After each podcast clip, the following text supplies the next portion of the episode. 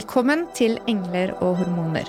Inspirasjon og ny kunnskap om helse, selvutvikling og livsstil.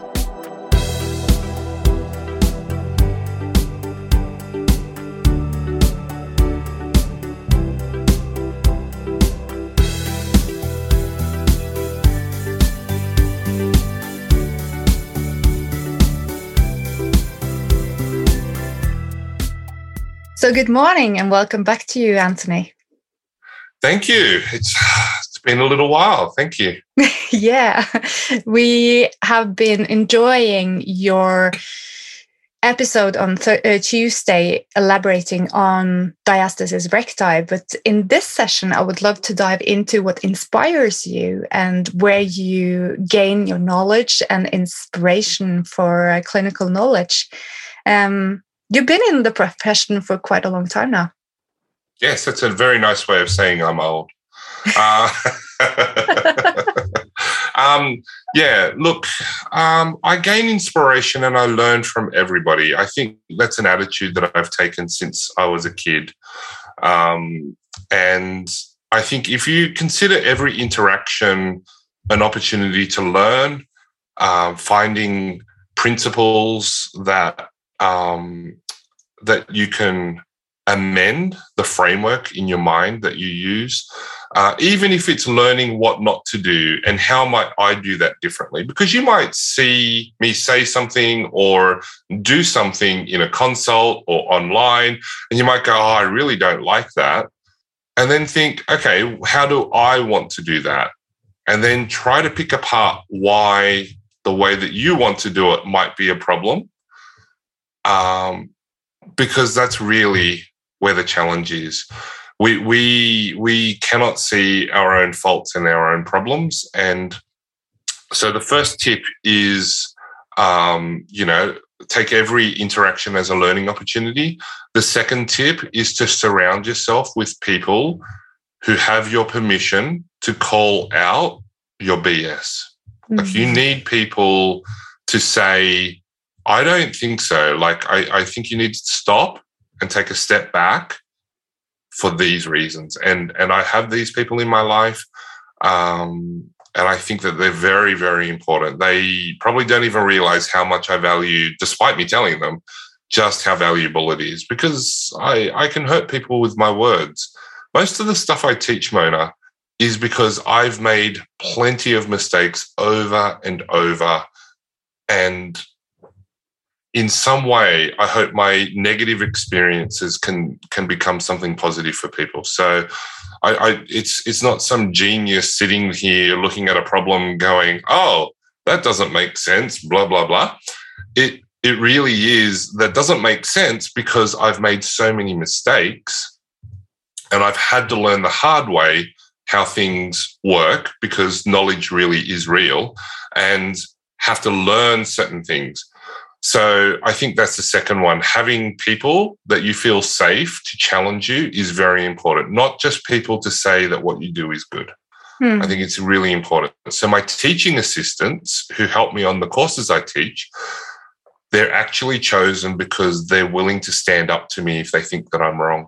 Hmm. Um, whereas most people have teaching assistants that that agree with them Mm-hmm. Um, mine happen to agree with a lot of things in terms of concepts, but they also know that they can they can call me out and um, and we can respectfully disagree even. Mm-hmm. Um, and I think that that's that's a really good professional relationship. Um, okay, resources. Number three, don't go look for evidence that confirms your biases go look for people who disagree with you.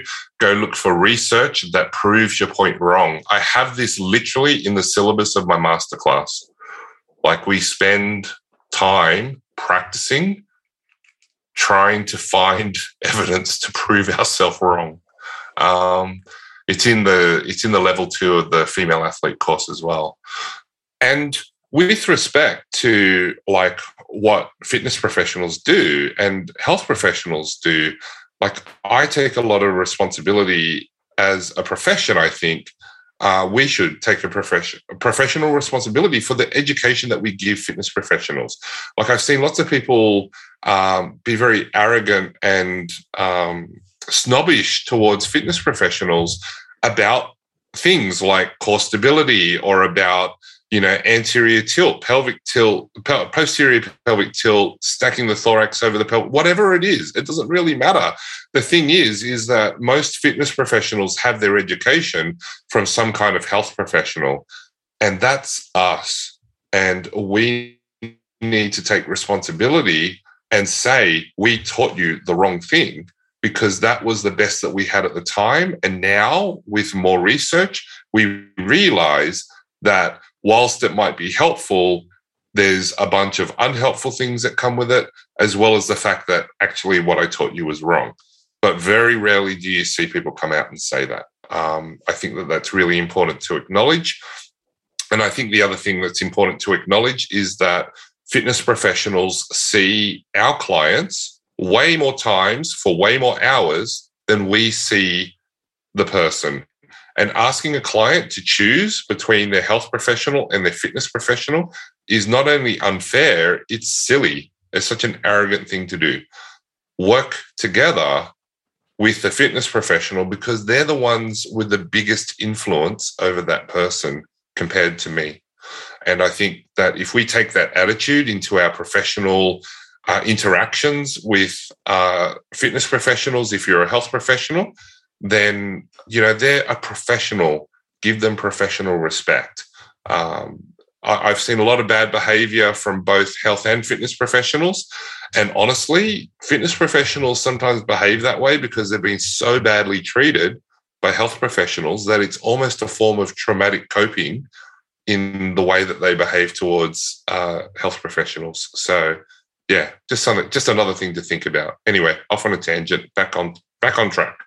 So, first of all, every interaction is a learning opportunity. The second one is having a team around you to call out your BS. The third one is looking for evidence that proves you wrong. Uh, the fourth one is don't just read your profession's papers. Most of the reading that I do is not physio or health related it's about thinking differently. It's about um, it's business books I'm talking about business, but I'm thinking about how it applies to the work that I do and the courses that I teach. Or it's a fiction book, and I'm thinking about how they've created a story and how they've interwoven a story so that I can be a better storyteller.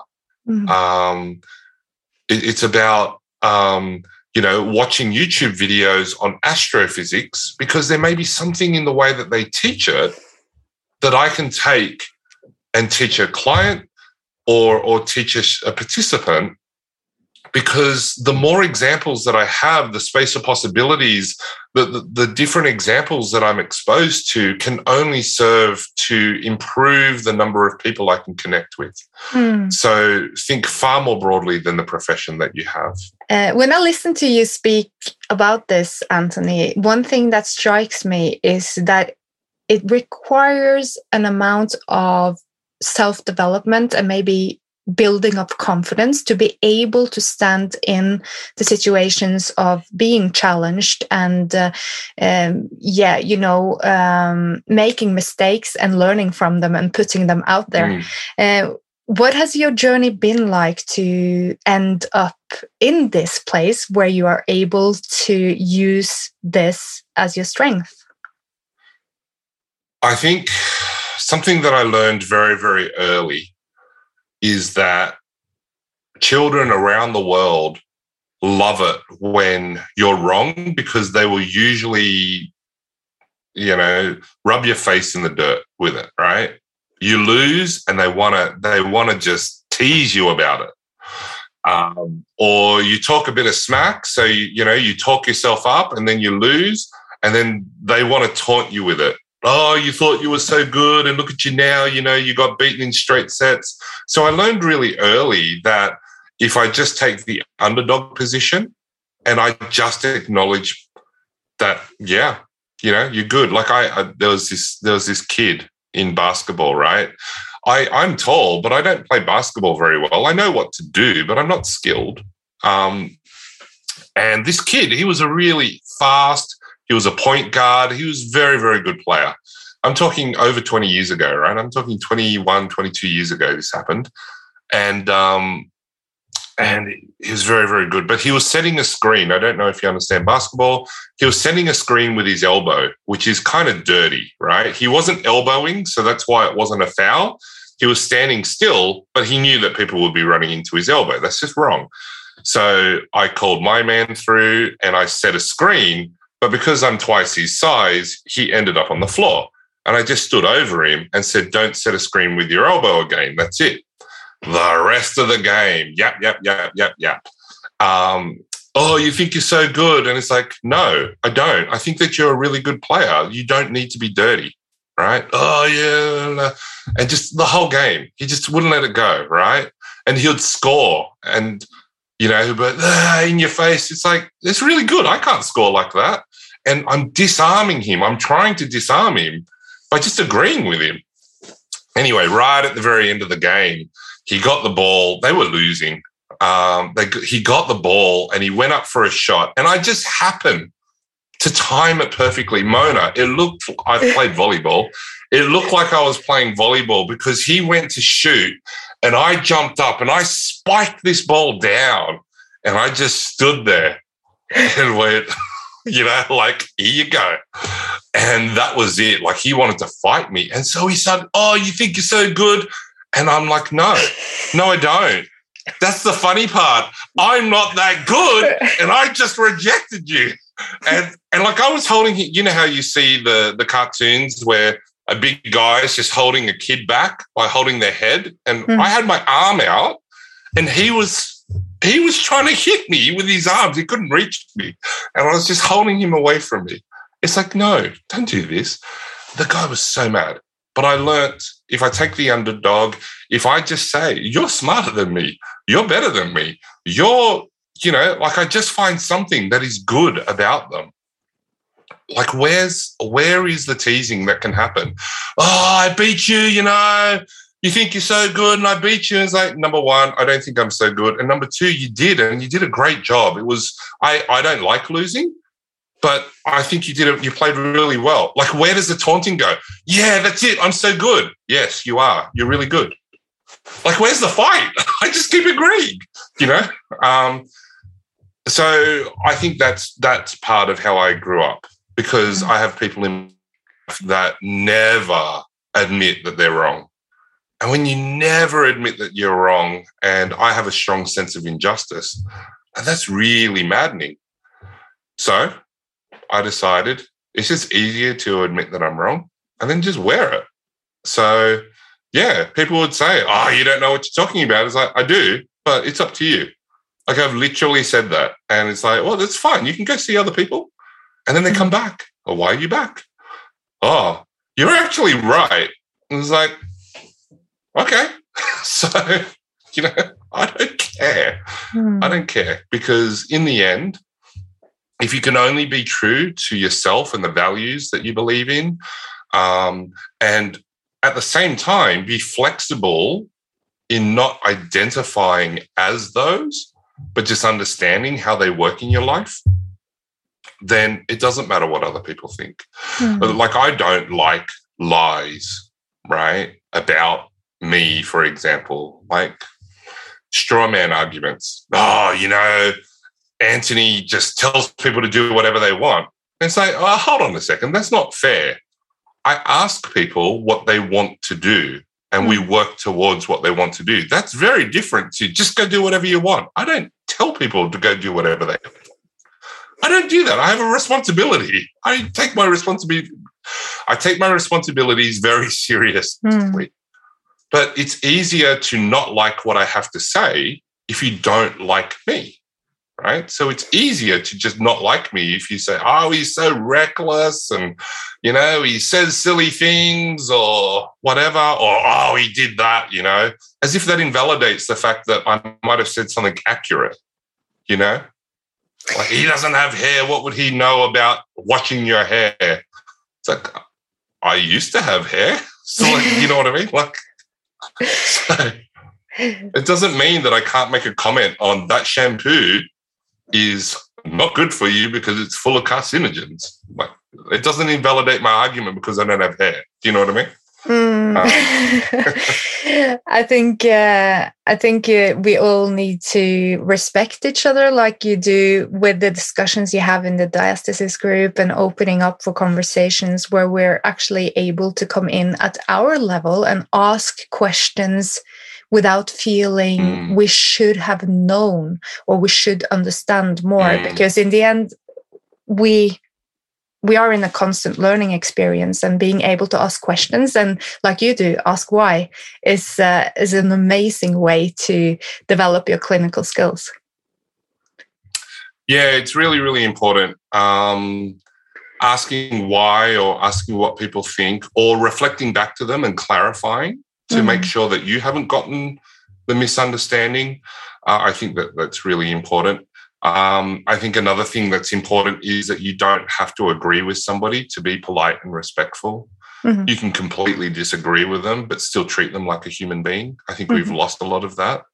Um, I think that it's important that we just don't know so much. And if people truly understood the difference between deductive reasoning and inductive reasoning, then they'll realize that most of the research that we have in physio is inductive reasoning and inductive reasoning is like um, is like integrating a function in calculus. There is always an unknown quantity.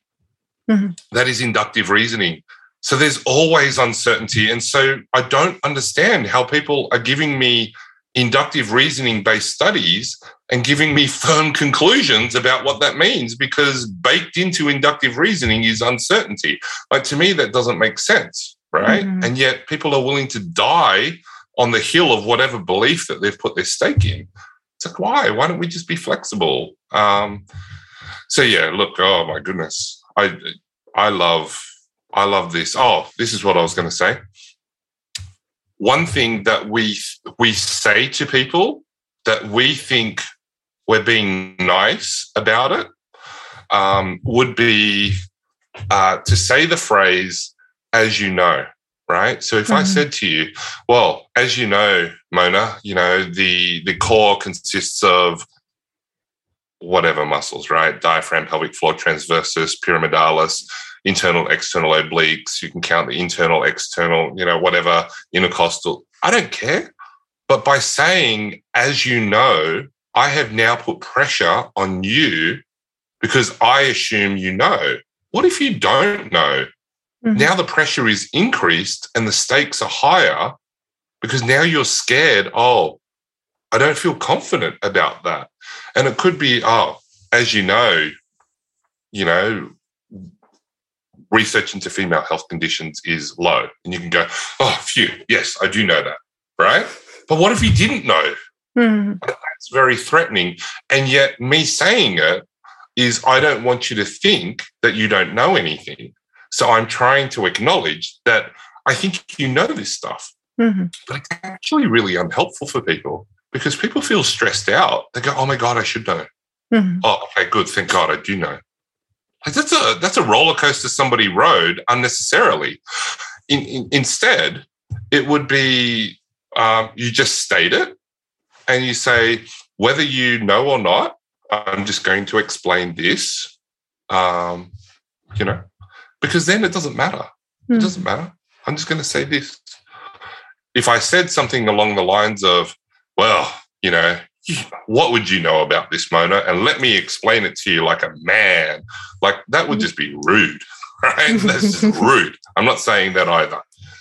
Like sometimes we we have to think about how we teach, mm-hmm. um, and and assuming that people remember what they're taught, even though the research tells us that most people don't remember what they're taught.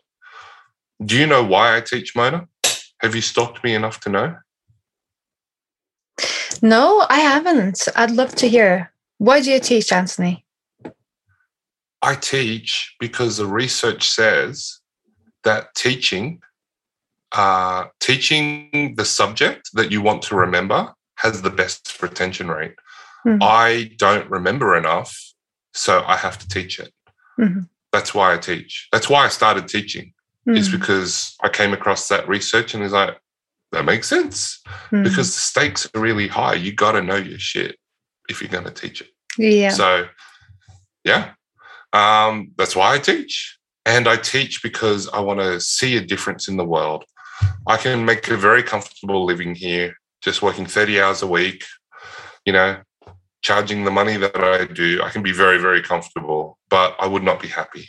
Mm. I think what's more important to me is to use the money that I do earn to make resources available for people so that they can go and change the world as well because Mhm. no one person can change the world. It takes all of us.